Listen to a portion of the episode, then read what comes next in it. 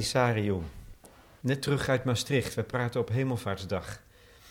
Je bent naar Maastricht gegaan om afscheid te nemen van de toneelleider of de, de studieleider van de Maastrichtse toneelschool. Ehm, Ja. René Lobo. Daar moest je bij zijn in deze tijd, ook nog vlak voor een première. Zo belangrijk is dat. Ja, daar wil ik heel, heel, heel graag bij zijn. Eh René Leboy heeft denk ik naast mij heel acterend Nederland, of toch zo ongeveer heel acterend Nederland, geïnspireerd. En ik vond het heel mooi dat er een feest werd gegeven ter ere van hem. Dus Ja, maar niet Dus- zomaar van hem. Niet een, niet, hij, hij gaat dood. ja, ja, dus dat was een heel bijzondere sfeer. Wat was het? Wat was het voor bijeenkomst? Het was heel, heel mooi, heel ontroerend en heel verwarrend, omdat het een feestelijke gelegenheid is ter ere van, of een, of een, feestelijk samenkomen ter ere van een allesbehalve feestelijke gelegenheid. Maar René is gewoon zelf zo'n feestelijk persoon dat je merkt dat iedereen om hem heen heel ongemakkelijk is en heel erg, of tenminste buiten de speeches en alle acts en alle mooie dankwoorden die er waren, loopt iedereen een beetje voorzichtig op zijn tenen rond hele, hele voorzichtige vragen te stellen, terwijl hij, hij gewoon, gewoon een feestje geeft. Hij, is gewoon, hij, hij straalde gewoon de meeste energie uit van iedereen daar. Hij, hij is voor zoveel theatermakers belangrijk geweest. Waarin? Hoe, waarom? Wat, hoe, in, in welke mate heeft hij jou dus ook weer geïnspireerd? Hij haalt iets heel rauws in iedereen naar boven. Je kan geen enkele pose volhouden bij René.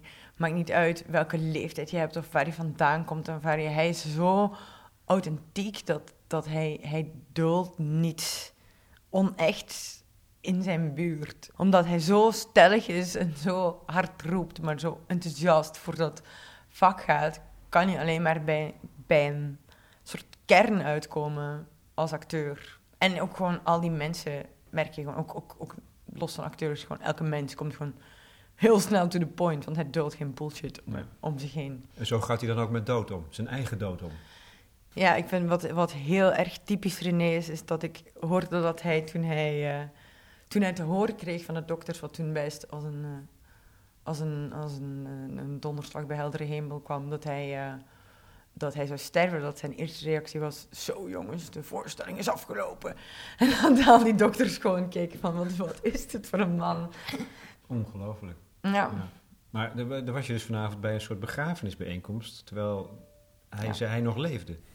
Ja, ja, begrafenis klinkt gek, maar dat was wel het initiële idee. Ja, dat, dat, dat je, je- hebt er gewoon zelf, je hebt niets aan je eigen begrafenis. En je, weet gewoon op voorhand dat zo'n man een enorm eervolle begrafenis gaat hebben met heel veel mensen die hem zullen herinneren en die over hem zullen spreken vol lof. Dus daar is het initieel begonnen, het feest. Dus waarom niet tijdens zijn leven? Zodat hij, dat hij, ja, zodat hij er iets aan je merkt dat er, er, er zijn dan zoveel mensen verenigd omwille van die ene man. Je bent gewoon heel tijd betoverd door die man of zo. Omdat iedereen schaamde zich voor elke traan. Omdat het dan een vals sentiment lijkt. In, in vergelijking met de energie waarmee hij daar staat. Hij, hij, hij laat gewoon alles op zich afkomen. En hij blijft gewoon grappig en hevig en zo. En iedereen, oh, hij heeft zoveel huilende vrouwen in zijn armen gehad. Dat is ongelooflijk.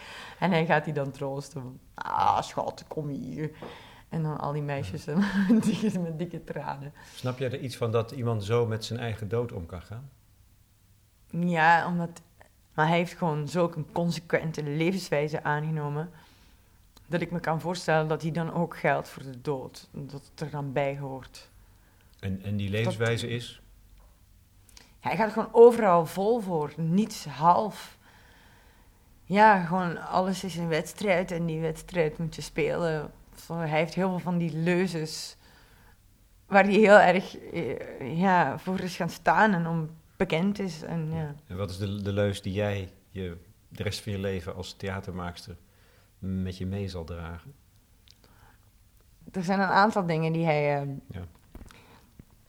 die hij zegt. Hij zegt altijd van, eh, als hij het publiek gaat halen, als je gaat spelen, dan zegt hij, ik ga de vijand halen. Dat vond ik heel raar in het begin dat hij dat zei. En, zei hij, en die mag daar naar kijken. hij Ah, hij ste- stelde altijd elke vorm van spelen voor als een... Nee, hij stelt altijd elke vorm van spelen voor als een cadeau wat je kan doen aan andere mensen. Dus je hoeft je nooit, je hoeft nooit bang te zijn wat mensen ervan vinden of hoe mensen er naar kijken. Het is gewoon fantastisch dat je het doet en je moet het voor volle map doen. En als het slecht is, dan scheldt hij je ook helemaal uit. Maar dat maakt niet uit, want hij vindt het sowieso fantastisch.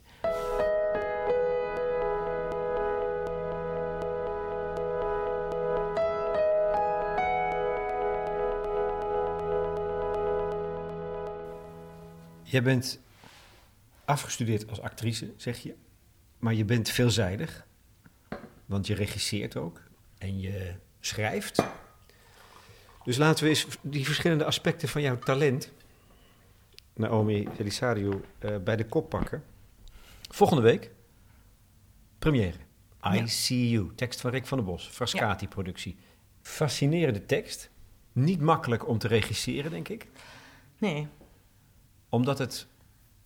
Nou ja, het heeft niet de structuur van een, van, een, van een drama of een plot. Het zijn eigenlijk meer bijna monologen die door elkaar heen gesneden zijn. Mhm. Prachtige mono- monologen, want dat kan Rick van der Bos heel goed. ja. Een hoog, hoog gehalte aan one-liners bijvoorbeeld, valt mij op. Die scherp en sterk zijn. Was de kern voor jou voor de voorst van die voorstelling? Van de tekst? Van de... De kern van de tekst. voorstelling, eh, Ja. wat je wil, van jouw regie. Waar, waar, het, waar het is uitgekomen is dat, je, dat iedereen, dat, dat de hel vandaag, in plaats van die hel van Sartre, is dat, dat wij voortdurend bij al ons, want Sartre heeft het heel erg over, Wieklo, hè, de beroemde stuk. ja, ja, heeft het heel erg over moraal en verantwoordelijkheid en te goeder trouw of te kwader trouw zijn en, en wat goed leven is. En nou ja, zo'n Mhm. soort, ja, heel, ik vond het heel christelijk aandoen, dat existentialisme, zeker in dat stuk. En dan daar, van, van daaruit voortdenkend, als ik met Rick dan dacht van wat is dan de hel Vandaag. nu van vandaag, Ja. dan is dat, ja, dan is dat eigenlijk het, het niet zozeer het oordeel dat je zelf velt of, of waarvan je bang bent dat mensen dat aan het eind, of dat iemand dat aan het eind van je leven gaat vellen over hoe je geleefd hebt, maar over de constante blik op alles wat je doet. Dus de- dat, dat alles voortdurend bekeken wordt en dat je dat ook kan regisseren, dat je jezelf als een soort personage kan, kan eh, eh, manifesteren of presenteren op internet en ook in het dagelijks leven. En dat je eigenlijk een soort van constant een, eh, een plot maakt van je leven. Een soort een film ervan maakt. Dat je gewoon voortdurend aan beeldvorming doet. Totdat je leven een soort film is in jouw hoofd, met jouzelf als hoofdpersonage. Doe jij dat zelf ook? Doe jij dat zelf ook? Nee? Nee? Nee. Ik ben wel bewust van de blik, de blik van de ander, altijd. Ja? Maar dat, dat creëren van een, van een, van een, van een, een fictief leven, je, je eigen Nee, filmscenario schrijven. fictief leven, Nee, maar je- waar, waar ja. is de grens tussen wa- ja, wat, wat fictief is en wat het dan Ja? echt is of zo? Of hoe je je presenteert als journalist of als vader of als man of als... Nou ja, je hebt gewoon constant beeldvorming. Gewoon mensen zien heel de, heel de tijd alles van elkaar. Als je, als je de ultieme allegorie voor die hel van Sartre naar vandaag zou, zou transponeren, of daar- daarvan de, de ultieme vertaling, zou je gewoon die, bij reality tv uitkomen. Als je echt Wieklo van Sartre zou doen, dan zou je eigenlijk gewoon een camera moeten zetten op een kamer en daar drie mensen in zetten van verschillende geslachten en kijken wat er gebeurt. Het is gewoon Mhm. Temptation Island dan. Ja. Maar dat is het grote verschil van bij Sartre was dat, dat er naar gekeken wordt. Dat was geen, geen Nee. dat was niet het belangrijkste. Het belangrijkste was dat die mensen spiegelfiguren waren voor wat die persoon dan verkeerd had gedaan in zijn leven. En die werd daar dan tot in den treuren mee geconfronteerd. Ja. Maar het ging niet zozeer over wie daar dan nog naar zou kijken. De hel, dat zijn de anderen. Dat is eigenlijk, hè, Ja. zo wordt het stuk van Sartre, dat beroemde stuk van Sartre, Wieklo, Ja. altijd samengevat. En de, die titel is eigenlijk eh, ontstaan uit van het- dat we die van l'enfer c'est l'autre zijn gaan naar van l'enfer c'est le regard de l'autre. Dat is de blik van de ander.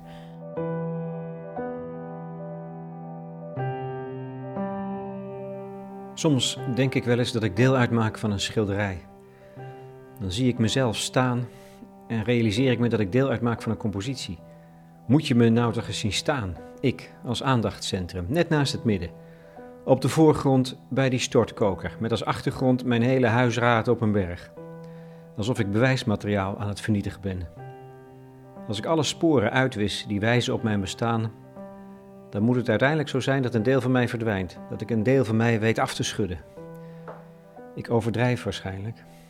Waarschijnlijk is er ergens hier binnenin een versie van mij die mij zo ziet staan, die haar hoofd schudt en zegt: Meisje, meisje, meisje, toch. Maar toch, ik kan al eeuwen niet meer slapen. Ik word helemaal gek. Ik blijf zoeken naar iemand om mee te leven. Dat kan ik zelf zijn, dat kan iemand anders zijn, maakt me niets uit. Maar er moet toch iemand zijn die dit vallen stopt, die deze neerstortende beweging weet om te buigen tot een geslaagde vlucht. Een vluchtpoging in de Aviatische zin des woords.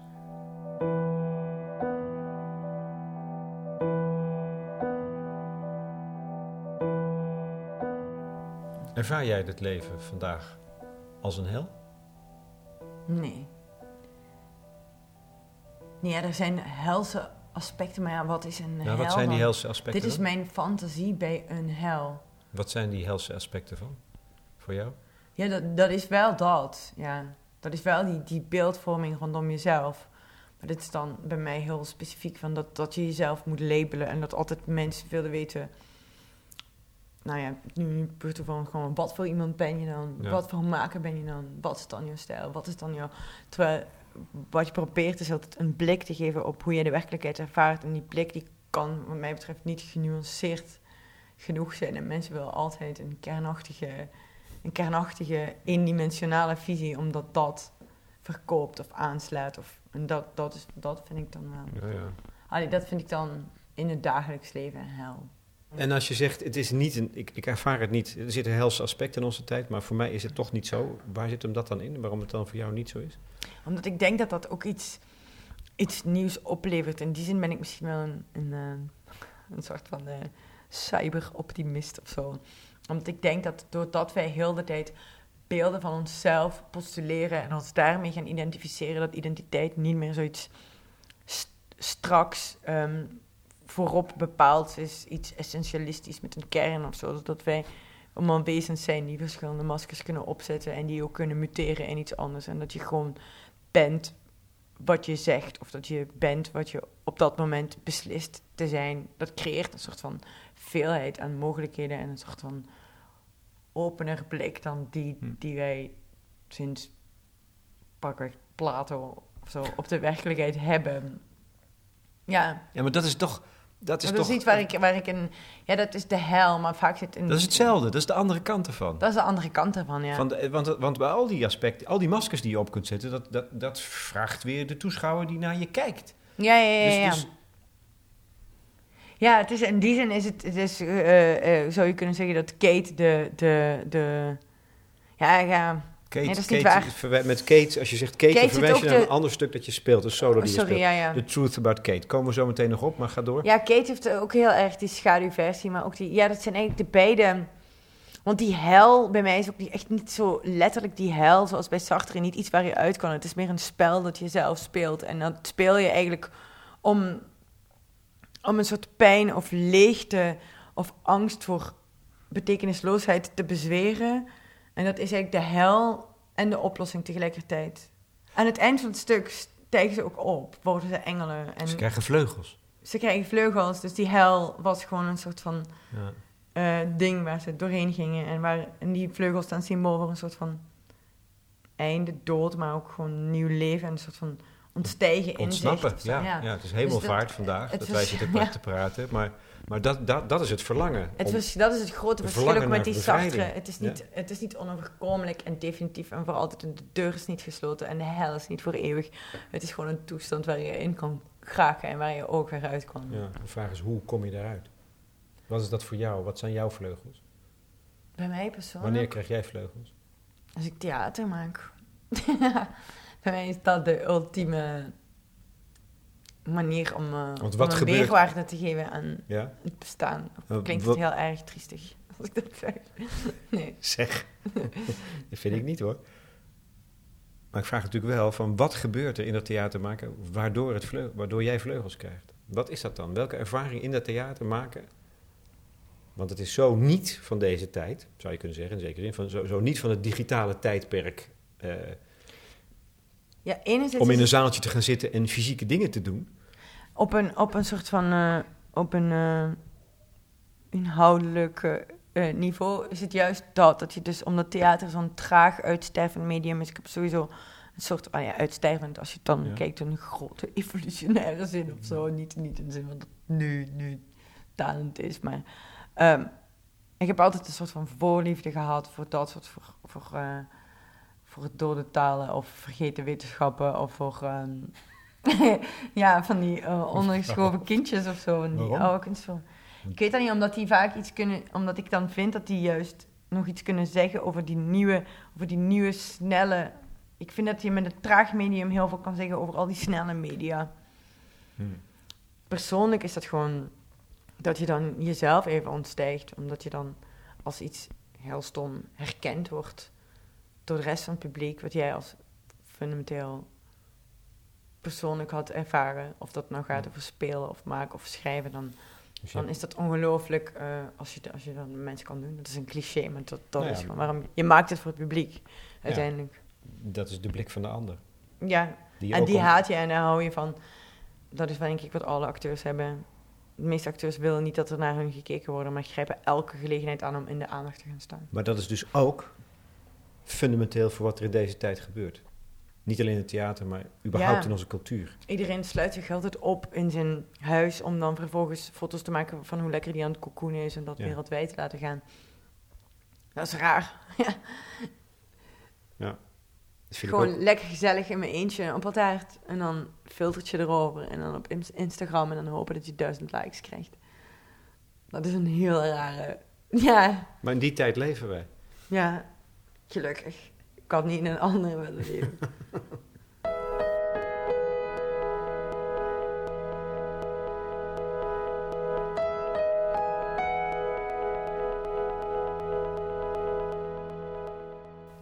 Ander talent. Naomi eh Velisario. Schrijven. Je hebt een tekst geschreven, die heet Tragedy. Ja, Wat natuurlijk een... simplified. Simplify. Heel belangrijk detail. Ja, ja, ja. Want, wat bedoel je daarmee? Dan, eh, eh, ik begin altijd de voorstelling met een soort zogenaamd praatje over dramaturgische voor, vooronderzoek dat eraan vooraf is gegaan. En dan neem ik altijd die dingen die die, die maand in het nieuws als een tragedie zijn bestempeld. En dan ga ik terug naar de oorsprong van het woord tragedie. Aan de hand van eh, Aristoteles leg ik de mensen dan uit wat ze gaan meemaken in de voorstelling. En dat is een soort van kunstgreep natuurlijk, Ja. omdat ja, omdat ik enerzijds heel graag dat, dat eh, begrip van de tragedie, van de Ars Poetica, op de korrel wilde nemen. En toch, ik vind het heel verwonderlijk dat het nog steeds werkt. Het is een, Dat Het- wat werkt. Dat, dat- het, het, het, het idee van die, van die spanningsboog en van zo'n handelingsverloop, het is iets wat eeuwen en eeuwen oud is en wat nog steeds in elke Hollywood-film wordt gebruikt. De meeste mensen hebben de Ars Poetica niet echt gelezen. Ik heb hem echt gelezen. Ik heb hem zelfs in het Grieks gelezen en het is een van de meest grappige boeken wat ik ooit heb gelezen. Het is echt absurd als je... Ja, mijn, mijn initiële idee voor de voorstelling was echt om hem te spelen. Gewoon om de Ars Poetica van Aristoteles gewoon te spelen aan de hand van dat is en een analyse van de werking van de klassieke tragedie. Ah ja, sorry, ja, dat Ja. is het. Dat is het. Ja. Het is een eh, soort prescriptieve. Handleiding van Zo werkt het. hoe, ja, hoe een, een tragedieschrijver te werk moet gaan. Het is echt voor schrijvers bedoeld. En er staat, het staat bol met echt hilarische uitspraken. Maar wat vind je dan zo hilarisch aan Aristoteles? Het is bijvoorbeeld heel belangrijk als je, als, dat je als tragedieschrijver je richt op heel ellendige gezinnen. Je moet op zoek gaan naar gezinnen met incest en dat soort problemen. Dat werkt altijd.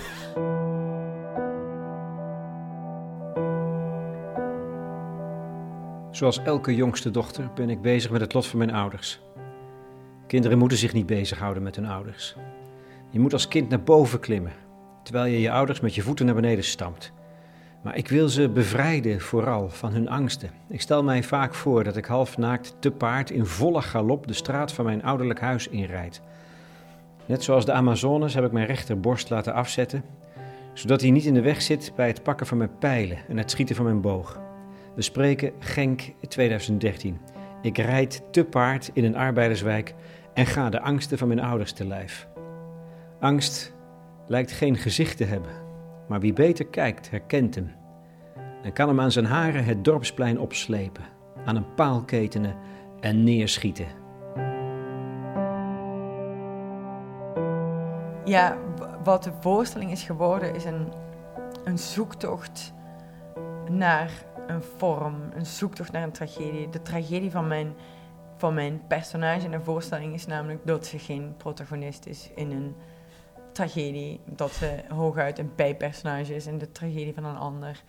En die zoektocht zoals die in de voorstelling zit, is ook de zoektocht die het hele maakproces voor mij is geweest. Want ik begon bij iets heel erg van het hoofd of zoiets heel erg rationeels of een soort wetenschappelijke fascinatie met Aristoteles, wat ik dan Hm. grappig vond en interessant en dan een uitdaging om dat te spelen.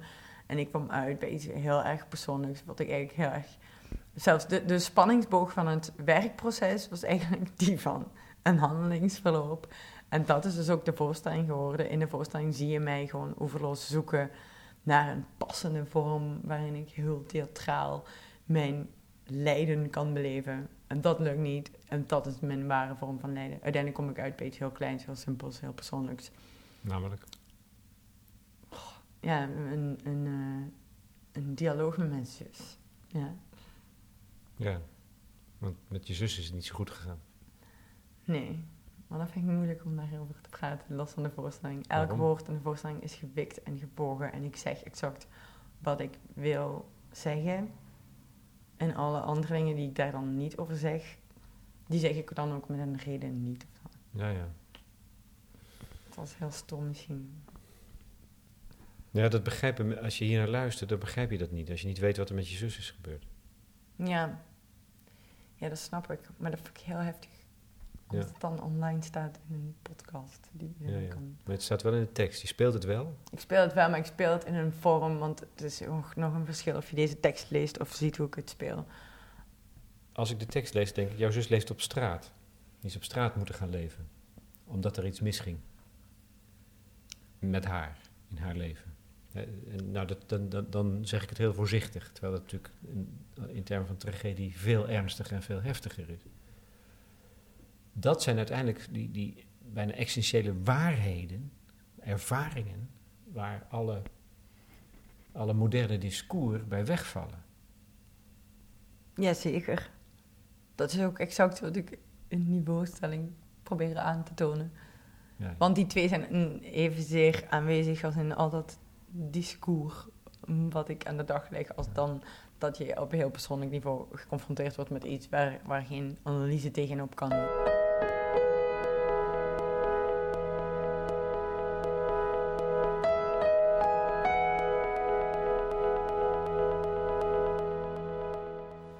Wanneer kwam dat theater eigenlijk in jouw leven? Want dat ligt niet voor de hand. Als ik dat Dat ligt eigenlijk helemaal niet voor de hand, nee. Dat is eigenlijk heel... eh, dat is eigenlijk vo- voortgekomen in de eerste instantie vanuit een heel grote liefde voor taal. Ik ben wel echt opgevoed met... Ik gingen gewoon een maand per jaar naar Griekenland met al die grote verhalen en al die plekken. Ik bedoel, ik heb het Ja? orakel van Delphi echt tien keer gezien voordat ik één tragedie las. En ik ben zo vaak in het Parthenon geweest zonder enig idee te hebben van wat die tempel van Nike of die tot altaar van Athena was. Of zo. En dan ben ik in de middelbare school Grieks en Latijn gaan studeren. En dan heb ik gewoon al die dingen gewoon vertaald vanuit het Oud-Grieks naar het Nederlands. En, en toen ontdekte je de schoonheid van die verhalen pas. En toen ontdekte ik de schoonheid van die verhalen. En toen wilde ik gewoon heel graag terug naar Griekenland. En dan ging me dat heel erg fascineren. En ik had een fantastische leraar in de, in de middelbare school... die mij die ook gewoon, mij gewoon Pasolini-films liet zien, zo op mijn veertiende. En toen vond ik dat allemaal fantastisch. Maar ik had eigenlijk, als ik heel eerlijk ik had nog nooit een theatervoorstelling gezien toen ik naar de toneelschool ging voor het eerst. Ik had geen idee. Ik vond het gewoon heel leuk om die teksten te lezen. En ik had, ja, ja, het is gewoon een soort voorliefde voor die, voor die taal. En, en, en, en mijn doel was ook echt, ik, ik, ik vind het altijd fantastisch van die mensen die zo'n verhaal hebben van ja, en ik wist al heel vroeg dat ik acteur wilde worden, want ik stond altijd thuis te, Hmm. dat te spelen. En dat was bij mij Helemaal niet. helemaal niet zo. Nee, ik wilde dansen en, en zingen en dat soort dingen, maar ik had echt geen, geen theater. Ik kom niet uit een theatergezin, ik had geen theatervoorstelling gezien en ik, heb de, ik, wilde, ik wilde heel graag diplomaat worden. Ik had me ingeschreven op de universiteit om politologie te gaan studeren en ik ging internationale betrekkingen doen en zo. Dus echt als een soort bliksem ineens. En wanneer, wanneer ging het, er kwam een bliksem?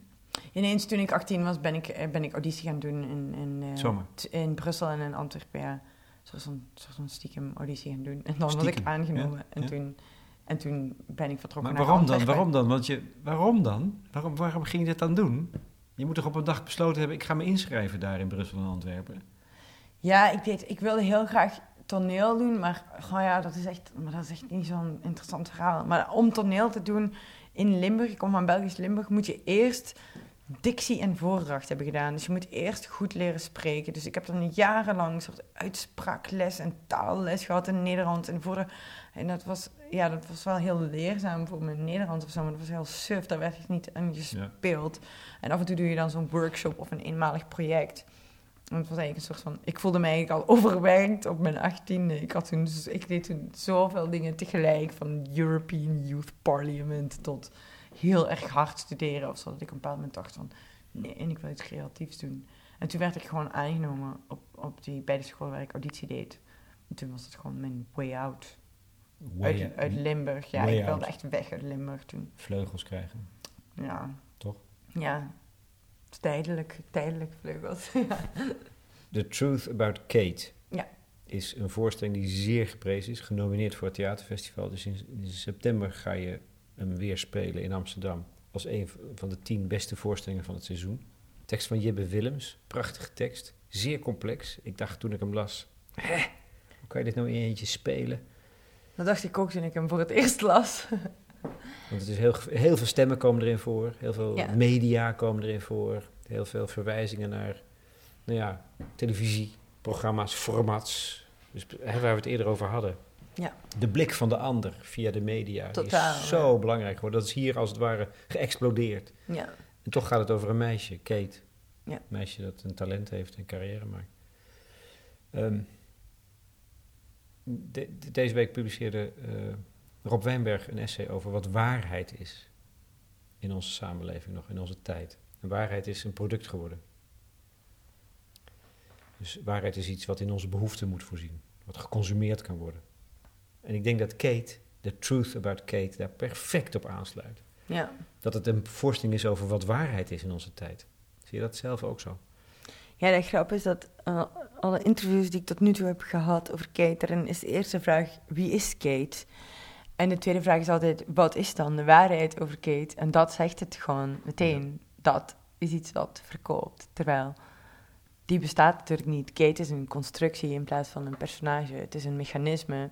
wat je laat zien. En mensen kunnen dat niet aan, aanvaarden, want waarheid is inderdaad een soort van groot goed geworden. En dan ben je weer terug bij Aristoteles, gek genoeg. Die heeft dat voor het eerst gebrand duizend jaar geleden. De waarheid. Er zit ook een waardeoordeel aan, aan, eh, aan eh, verbonden. Van, van wat is dan wat is dan werkelijkheid en wat is dan afschaduwing daarvan en wat is fake en wat is... En bij Kate valt dat allemaal samen. Gewoon die, de oppervlakte, daarin zit net zoveel waarde als in de kern. En er is geen waarheid. Er is geen waarheid over Kate. De waarheid over Kate is dat ze niet bestaat. Nou ja, dat, dat, is, dat is wat ik daar het meest fascinerende aan vind. En dat is dat je haar nooit echt te zien krijgt. In die voorstelling althans. In die Maar voorstelling, daarmee ja. zeg je ook iets over onze samenleving, denk ik. Ja, over, over wat waarheid veel. in onze samenleving is, toch? Ja, totaal. Dat is een soort gemaskerd bal. Dat is een soort... Dat is een soort je kiest je waarheid. Het is allemaal beeldvorming. Dan een, een identiteit is hetzelfde als een personage. Het is zo veelkantig als de hele wereld om je heen. Ja, hetzelfde, het is eigenlijk dezelfde thematiek als I See You. Het is allemaal ja, een gelijkaardige thematiek. En als, in, in, en als in een tragedy, het is altijd dat verhaal wat je creëert rondom je eigen persoon, waarmee je probeert je identiteit te vatten. En altijd stuit je ergens op één wezenlijk ding. Alleen bij Kate krijg je het nooit echt te zien of zo. Ja. Dat is denk ik ook ergens een, een... Ja, dat is ook gewoon waarom dat die voorstelling zo intrigerend is om Ja. te spelen. En misschien om, om te zien, dat weet ik niet. Maar dat is, dat is volgens mij waar we ook op stuiten als ik vraag naar jouw zus. Hè, dat wezen, er- zijn dingen die zo'n pijn doen, dat jij er niet over kan praten. Of er zijn dingen die je wezenlijk kunt noemen. Terwijl wij leven in een samenleving die daar eigenlijk is mijn indruk, of is dat wat je, wil, wat je vertelt me die voorstelling, juist van die wezenlijke ervaringen, dat wij daarvan afraken. Ja, we raken daar misschien van af, maar gewoon doordat we ze zo, doordat we ze zo, ehm, hoe moet ik dat zeggen, verheerlijken ook. Ik weet dat niet, ja. Is dat zo? ja, ik weet dat niet. We zijn daar bang voor. We zijn bang We voor. zijn exi- daar bang voor, maar, maar waarom is, René, waar- waarom is. René Lobo zo'n inspiratiebron? Omdat hij je toch direct Omdat hij je schaamteloos maakt naar... Ja. die essentiële ervaringen. Ja, maar dan spreek je weer in een term van wat is de waarheid en wat is dan fake of zo. Ja. Dat is toch zo? Maar bij, bij, bij Kate is het echt zo dat zij zo ver gaat in het, in het soort van postuleren van een beeld of een stellingname Ja. of een fantasie. Alles is mogelijk. Maar dat is net zo wezenlijk als wat ze dan zou voelen in haar bed of zo. Het is net zo pijnlijk, het doet net zoveel pijn. Ook of ze nou die... Ze verliest dat, dat, dat kind in haar, in haar fantasie of ze, eh, ze wint een award in haar fantasie. Maar het doet hetzelfde met haar.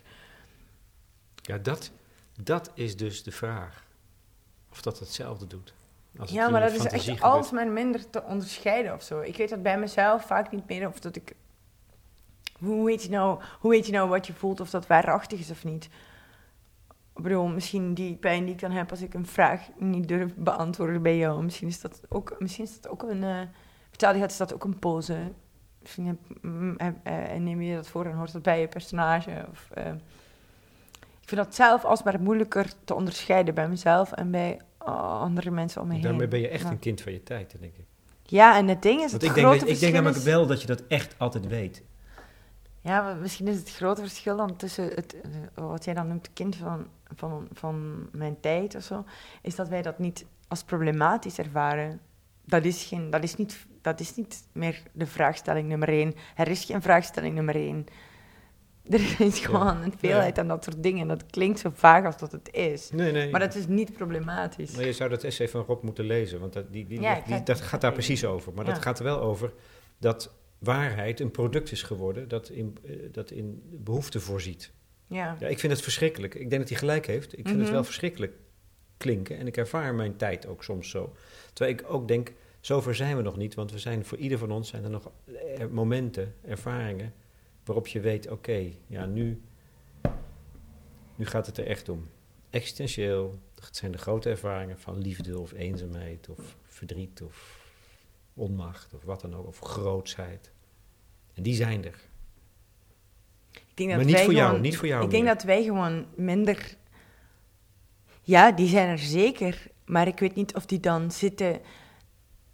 Ik, ik weet niet wat dan het verschil is tussen wat je je dan inbeeldt... en wat, je dan, wat dan een, een oprechte ervaring is. Wat ik me kan Hm. inbeelden, kan me net zoveel pijn doen als een oprechte ervaring. Ja.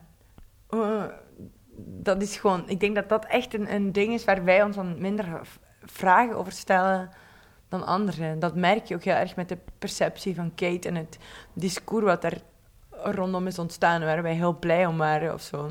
Hm. Wat voor ons al veel meer als een evidentie is, wordt, wordt nog steeds als een soort van... Mensen willen daar heel graag een kritiek in zien.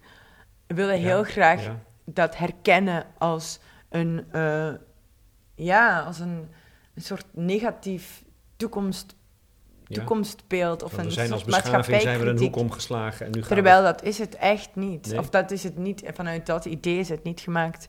We hebben ons heel vaak verwonderd. We hebben heel veel documentaires gekeken waarin we ons heel erg verwonderden over de, de, de, de shallowness of de leegheid van, van bepaalde strategieën die popsterren of, weet ik, Ja. of politici gebruiken om hun imago eer aan te doen.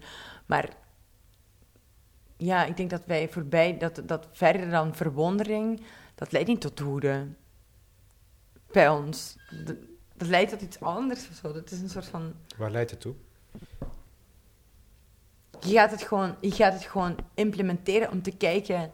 Om te kijken wat het doet, om te kijken of je er vat op krijgt. Het is meer een soort van nieuwsgierigheid. Het gekke wat er gebeurde bij Kate is dat exact gebeurde wat we in de voorstelling vertelden.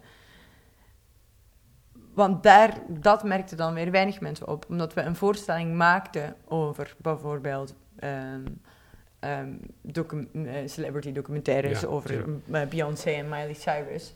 Dat onderwerp was zo hot dat het heel snel werd opgepikt. En dat we heel veel voorpublicaties hadden.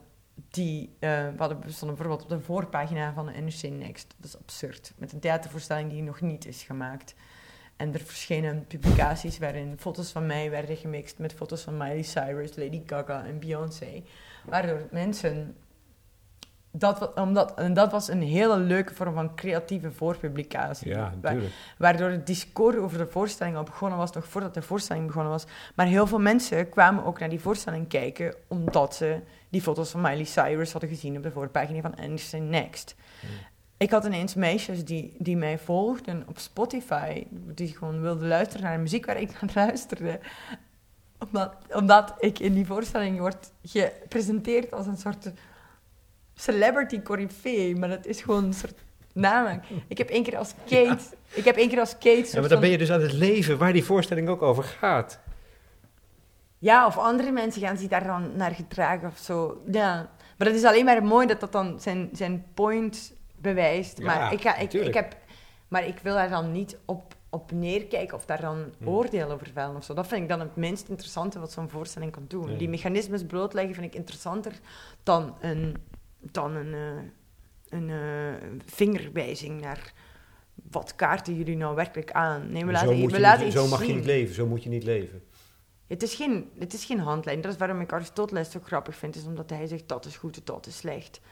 En die, die voorstelling is, geen, het is niet een aantonen van wat wij slecht vinden. Het is gewoon een, eh, een, een, eh, een poging om, om dat, dat mechanisme bloot te leggen door het echt te doen. Je praat over Kate alsof ze echt bestaat. Ja. En ik denk steeds aan die uitspraak van een toneelschrijver die jij volgens mij ook, waar je van houdt, Heiner Müller. Ja, En ik- zeker. Je zult de waarheid leren kennen als ze met vleesmessen door je slaapkamer gaat. Ja, Daar geloof ik in. Ja, maar dat is, dat is ook gewoon, dat, moet je dan ook zien in de context van waarin Heiner Müller Ja. schreef. Want Heiner Müller is de grote profeet van de buitenkant en van de maskerade en van de, het gebrek aan waarheid. Voor mij, voor, voor mij is hij een soort van, eh, is dat een, een anachronisme? Nee. Dat is gewoon iemand die een soort van de tijd aankondigde waarin wij, waarin wij nu leven. Of zo. On, bewust of onbewust. Dus ik, vind dat, ik va- vat dat dan meteen op als eh, ironisch bij Heiner Müller. Oké. Verhelderend dit.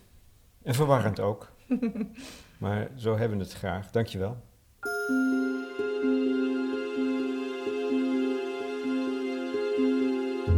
Lex Bolmeijer in gesprek met theatermaakster Naomi Velisario voor De Correspondent.